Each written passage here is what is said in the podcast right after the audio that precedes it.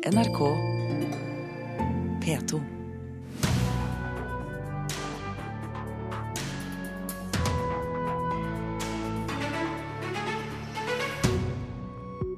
Filmselskapet Paradox vil lage film om dronning Sonjas kamp for kjærligheten, fra den gang hun bare var Sonja Haraldsen. Er NRK-lisensen klar for å byttes ut, og bør TV 2 få statsstøtte? Det hele avgjøres eh, trolig i morgen, og vi snakker litt om det her i Kulturnytt i dag. Og den store fuglesamlingen ved Tromsø museum er i ferd med å bli ødelagt pga. fukt. Det haster med å få på plass et nybygg, mener museumsdirektøren. Og så skal vi snakke om Super Mario på mobiltelefonplattform i dag. Det blir litt senere i sendingen. En film om dronning Sonja har stort publikumspotensial, sier Mode Steinkjer, leder i Norsk Filmkritikerlag. I går ble det kjent at dronning Sonjas kjærlighetsliv skal bli spillefilm. Paradox Produksjon AS, som står bak Kongens nei, har i over to år planlagt filmen. I 1968 forklarte kong Olav hvorfor han etter mange års vegring hadde gitt samtykke til at daværende kronprins Harald fikk gifte seg med en ikke-kongelig. Foreldre har vanskelig for å forstå at deres barn gjerne vil eh, gifte seg med andre enn de som selv, de selv kjenner. Selv om de nok er på det rene med at de er, det er hjertets egen språk som må tale i en sak som denne. Og i dette tilfellet er jeg sikker på at de har den gjort. I utgangspunktet så syns jeg det høres ut som en veldig spennende idé. Filmen Paradox ønsker å lage heter foreløpig Sonja tilfelle Haraldsen. Dronning Sonja er jo en del av vår nasjonale historiearv, kan man si. Eh, men her kommer det an på både manus og regissør før man kan si om det er en lur idé eller ikke. I boken om dronning Sonja, som ble gitt ut for fire år siden, heter første kapittel 'Tilfelle Sonja Haraldsen', og handler om den forbudte kjærligheten mellom en ung kronprins og en ikke-kongelig. I 2013 spurte Paradox kongehuset om de fikk lov til å kjøpe en opsjon til manuset til boken, men fikk nei, opplyser kongehuset til NRK. Filmkritiker Mode Steinkjer sier det er viktig at en slik film lages med respekt. Nei, det er alltid, eh, alltid utfordringer når du lager såkalte biopics, altså filmer som er basert på levende personer. Og, eller personer som både har levd og som fortsatt lever. Det, man veldig mange nordmenn, ikke minst, men også internasjonalt, har et sterkt forhold til hvem dronning Sonja er. Det er klart at dette må gjøres med respekt. Eh, samtidig så lager man eh, en sånn film med for mye respekt, så vil man eh, antagelig ende opp med en veldig kjedelig film som ingen har lyst til å se. Filmanmelder i NRK og leder i Filmpolitiet Birger Vestmo sier det er et stort marked for filmer om de kongelige. Han tror en eventuell film om dronning Sonja vil trekke folk til kinoen. Ja, Det kan jo virke som at eh, filmer om de kongelige er i vinden. Vi, vi, så jo En kongelig affære i 2012 og Diana i 2013. Og Kongens nei vet vi alt om. Klart det er stor interesse for eh, de kongelige i Norge. Dette er en familie mange har et forhold til og en eh, mening om. Og her er vi jo inn på en historie som ikke er veldig godt kjent for folk flest. Man kjenner kanskje hovedtrekkene, men eh, en, en, slik film vil jo ha muligheten til å gå i dybden på en måte som få har kjennskap til. Produksjonsselskapet håper på et tilskudd på 15 millioner fra Norsk Filminstitutt. NFI skal vurdere hvor stort publikumspotensial filmen har. Ni har elsket hverandre i ni år. Hva hender i, i år som gjorde at dere bestemte dere for at nå skal det skje? Det hadde vært lenge nok.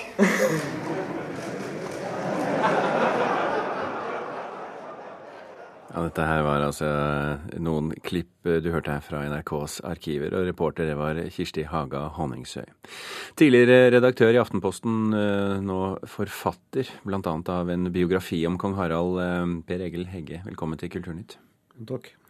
Hvorfor tror du at de ønsker å lage en film om akkurat denne historien? Det er en spennende historie. Og uh, som Vestmo sa, så er det interesse for, for kongestoff. Uh, og bak uh, kulissene var nok dette ganske dramatisk.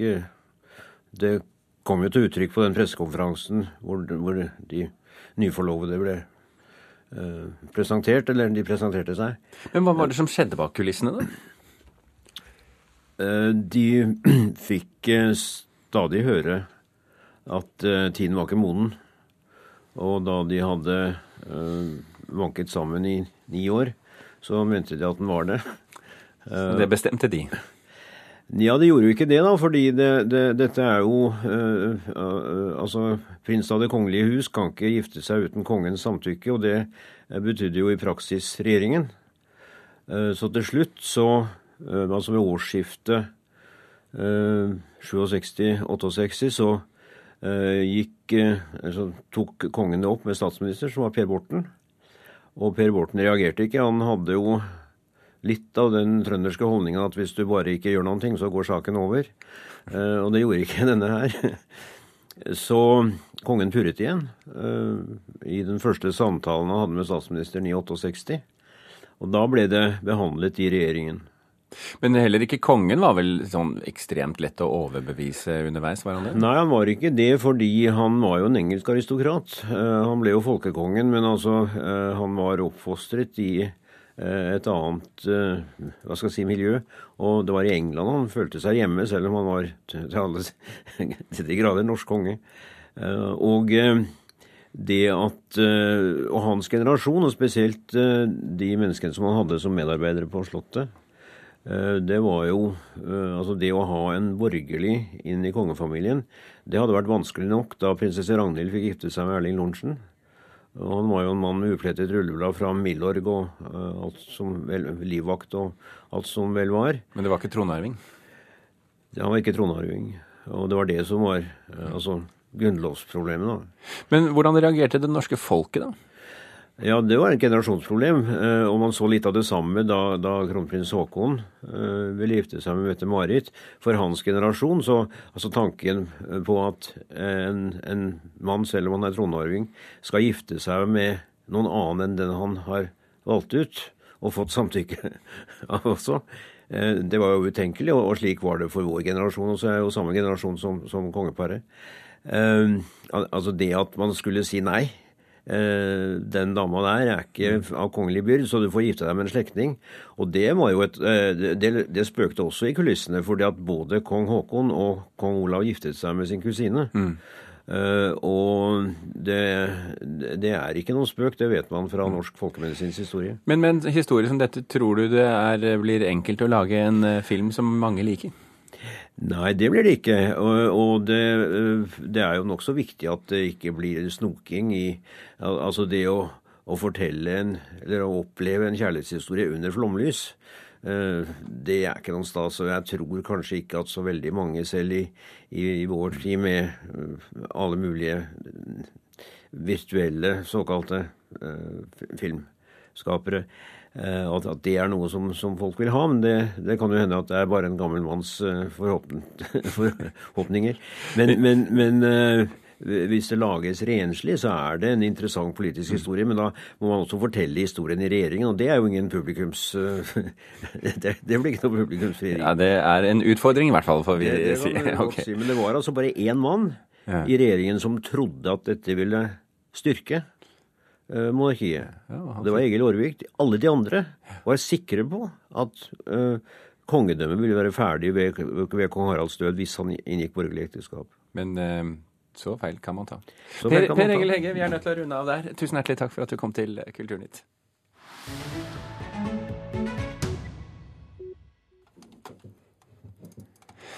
I morgen er det siste statsråd før jul, og etter all sannsynlighet skal stortingsmeldingene om fremtidig finansiering av NRK og vilkårene for en kommersiell allmennkringkaster, f.eks. TV 2, legges frem der. Stortinget har gitt regjeringen frist til nyttår, og nå mener opposisjonen at det begynner å haste.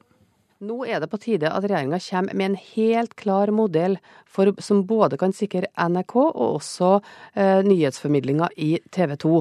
Det sier Marit Arnstad i Senterpartiet. Det er nemlig sånn at det snart kan være slutt på NRK-lisensen.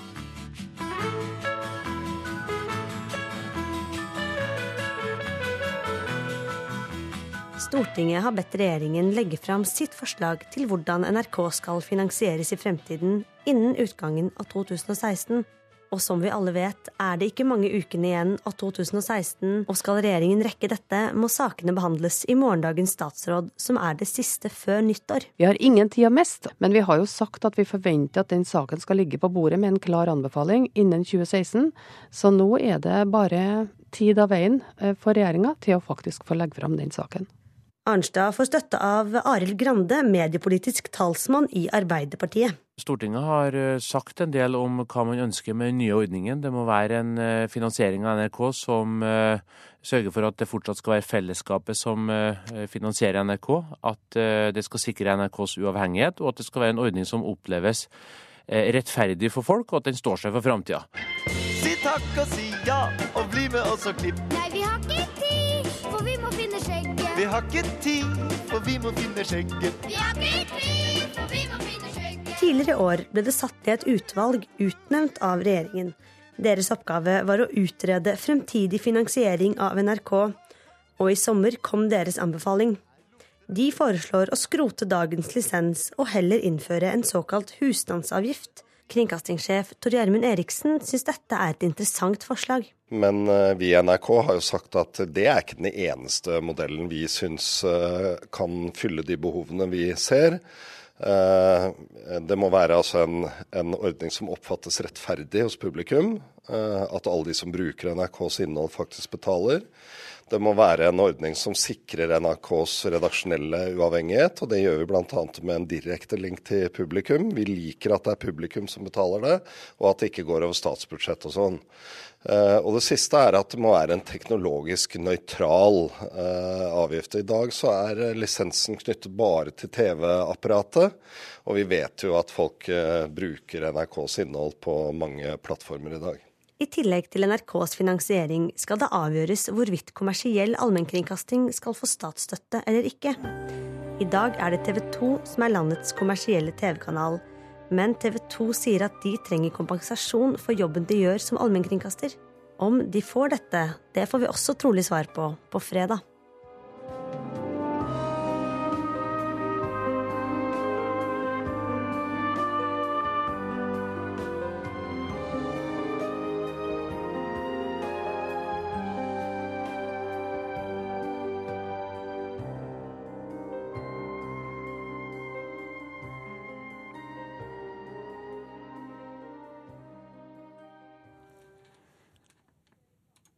Det var uh, Mari Sand Malm som hadde laget uh, denne reportasjen.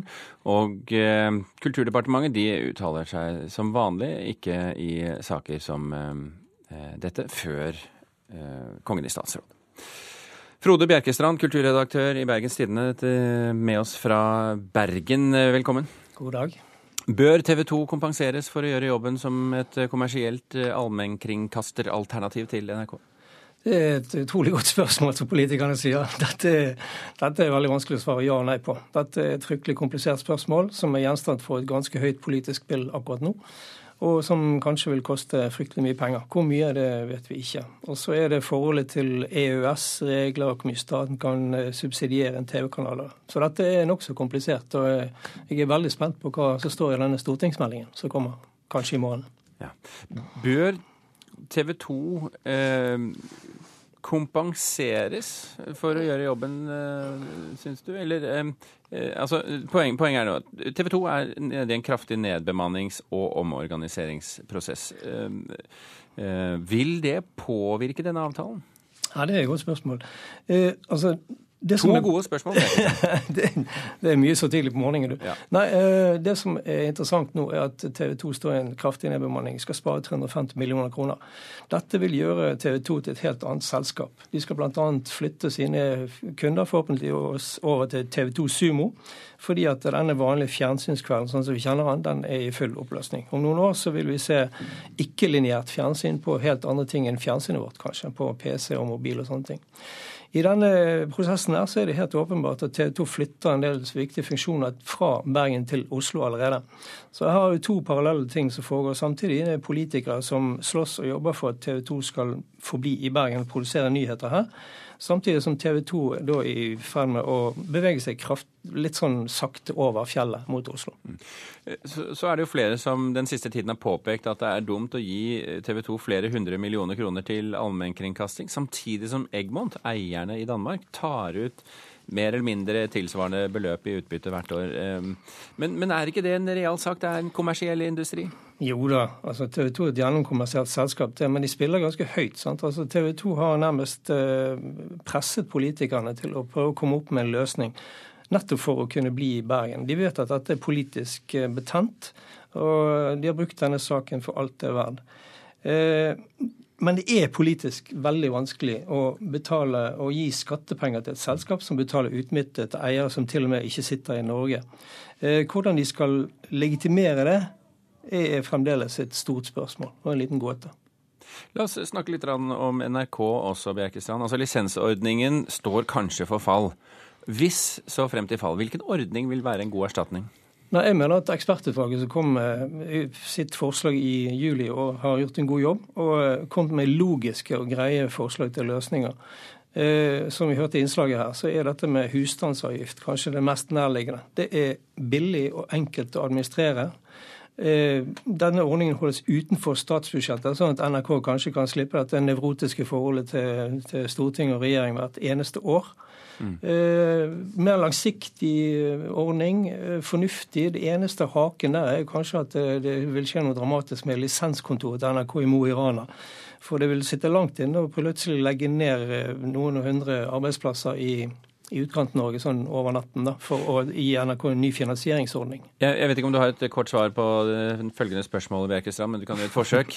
Kan det komme en fellesavgift både for NRK og TV 2? Altså, det er et veldig, det syns jeg er en god idé. Altså, det, det er rart hvis ikke de klarer å se disse sakene i sammenheng. Men det er klart at TV 2 sitt tilfelle er litt spesielt, fordi de er ute etter en kortsiktig avtale. NRK må få en langsiktig løsning som de kan leve lenge med. Frode Bjerkestrand, kulturredaktør i Bergens Tidende, takk for at du var med i Kulturnytt. Klokken har passert 19 minutter over åtte. Du hører på Kulturnytt, og dette er toppsaker i Nyhetsmorgen nå.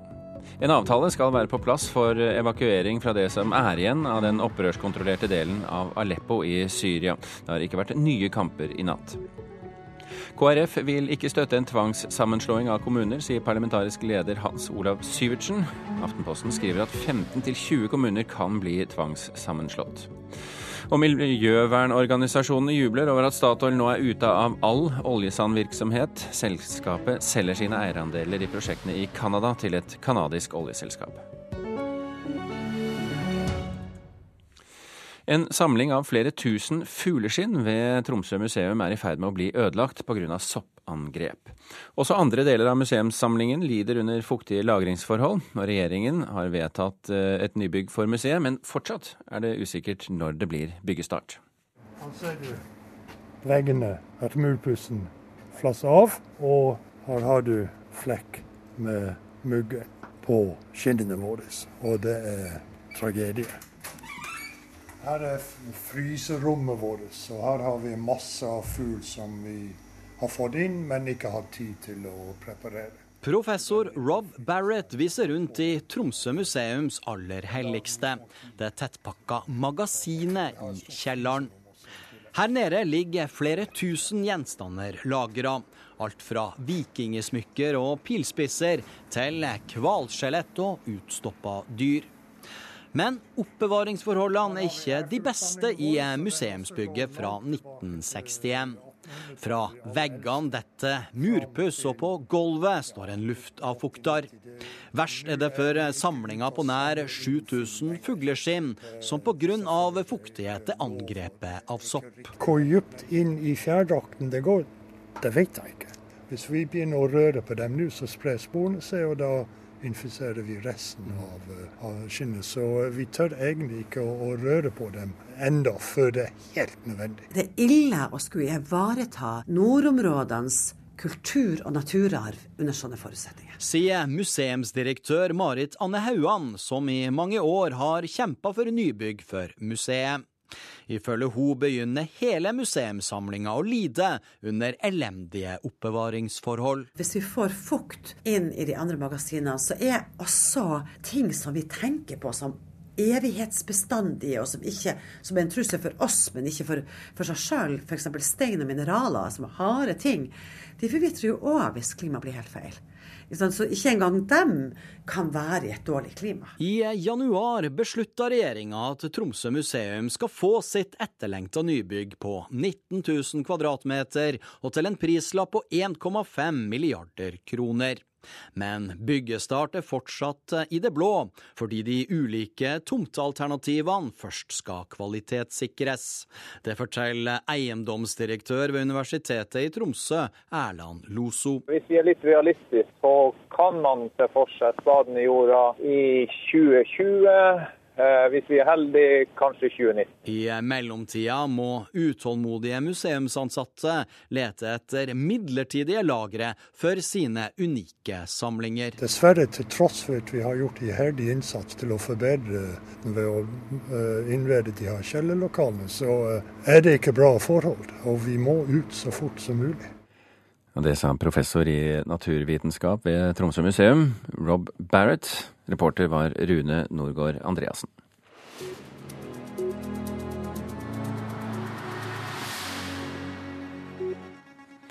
Klassekampen har hatt en liten utrensking blant spaltistene sine. Reporter Oddvin Aune, hva er det som har skjedd? Ja, I hvert fall en av dem. Eh, det dreier seg om Trond Andresen ved NTNU. Han har vært fast bidragsyter i Klassekampen i 16 år, men er nå uønska, ifølge Aftenposten. Og Det skyldes at han ga uttrykk for støtte til Nasjonal Front sin leder Marine Le Pen, og at han heller ville stemme på henne enn på republikaneren Francois Fillon i neste års presidentvalg. Mm. Klassekampen sin sjefredaktør Bjørgur Bråen sier at spalta skal være på en måte et uttrykk for hva Klassekampen står for i bred forstand. Det er denne spalten på side to, ikke ja, sant? Ja, ikke sant. Og det å gi støtte til Marine Le Pen er, er ikke innafor der. Mm. Um, og han tar da sjølkritikk på at denne teksten ikke ble stoppa før den kom på trykk. Men spaltisten sjøl, uh, sier at han godt kunne diskutert en reformulering, og at avisa hadde hatt god tid til å kontakte han. Nå skal vi til Donald Trump, som begynner å få brikkene på plass. Oh, say,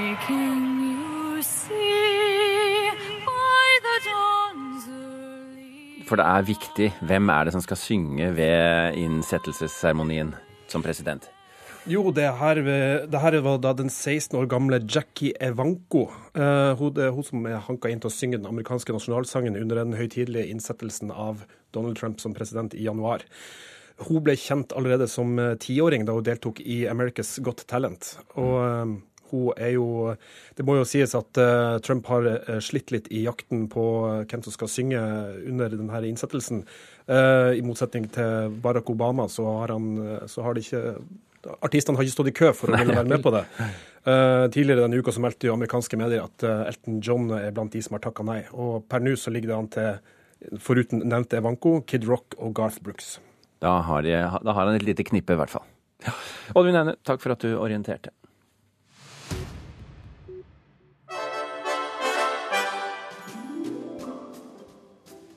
Av alle verdens fantasifulle TV-spillfigurer med store våpen, sterke farger, lange tentakler og store, skarpe glefs, så er det en liten italiensk rørlegger eh, som er den desidert eh, største. Du hører liksom filmmusikken hans her, hvis vi kan kalle det Super Mario skal ha vært med i over 200 ulike spill, som til sammen er anslått å ha solgt over en halv milliard eh, kopier.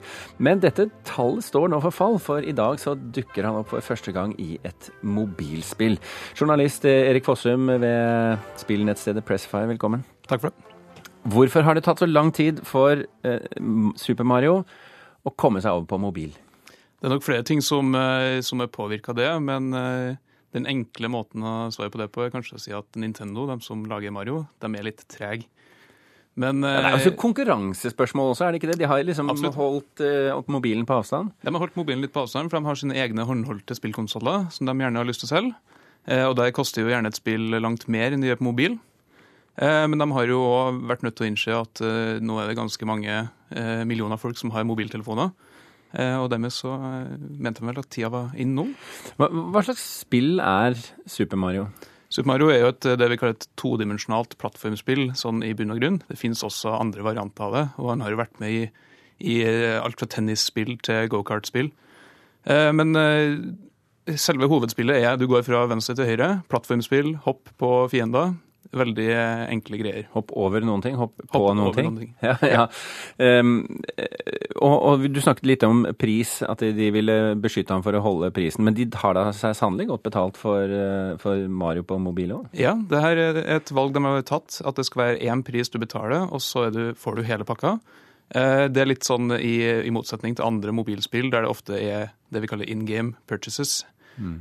Som går på at du får spillet gratis, men du kan kjøpe til litt ekstra på det. Eh, Her skal det da koste rundt 110 norske kroner for eh, hele Super Mario på, på mobil, og det er litt uhørt egentlig i den bransjen. Men det, som du sier, da er det ferdig, liksom. Da har du betalt alt, istedenfor å få flere kjøpsopsjoner etter hvert. Mm. Um, hva vil det si for mobilindustrien, uh, hvis, du, hvis vi ser litt på dem, uh, at en gigant som Nintendo nå går inn og Det, det betyr jo litt. Eh, Det, jo, det er mange som har stått og venta på det, at nå, nå skal det skje. Og vi så jo med Pokémon Go, som jo er deleid av Nintendo, eh, at, eh, at markedet responderte veldig godt på det. Og Mario er jo på mange måter større enn Pokémon. Så det er nok en, en god fjær i hatten på Apple at de får det eksklusivt først. Mm. Eh, Og det er, det er mange som har venta på det.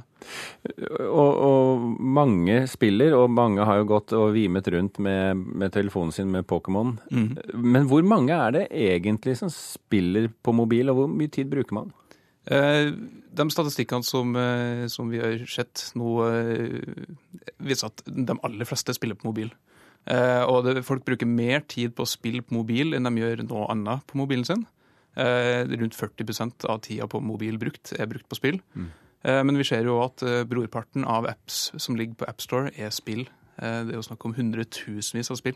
Så det er et vanskelig marked å bryte seg inn på, men Nintendo er jo den største. Så det skal være Og de lever kanskje litt godt på at de har et eh, godt eh, merkevarenavn. Det ville jo vært Absolutt. annerledes om de kom fra ingenting, kanskje. Det er mange som vil sette Mario i bås med Mickey Mouse når det gjelder størrelse, så det går nok bra. Kjempefint. Eh, Journalist Erik Fossum ved spillnettstedet Pressfire, takk for at du kom til Kulturnytt. Kulturnytt har ikke mer enn en, ti sekunder igjen, så vi er nødt til å runde av denne sendingen. Det var Gjermund Jappé som var produsent, og her i studio satt Birger Kolsrud Jåsund. Takk for følget. Hør flere podkaster på nrk.no podkast.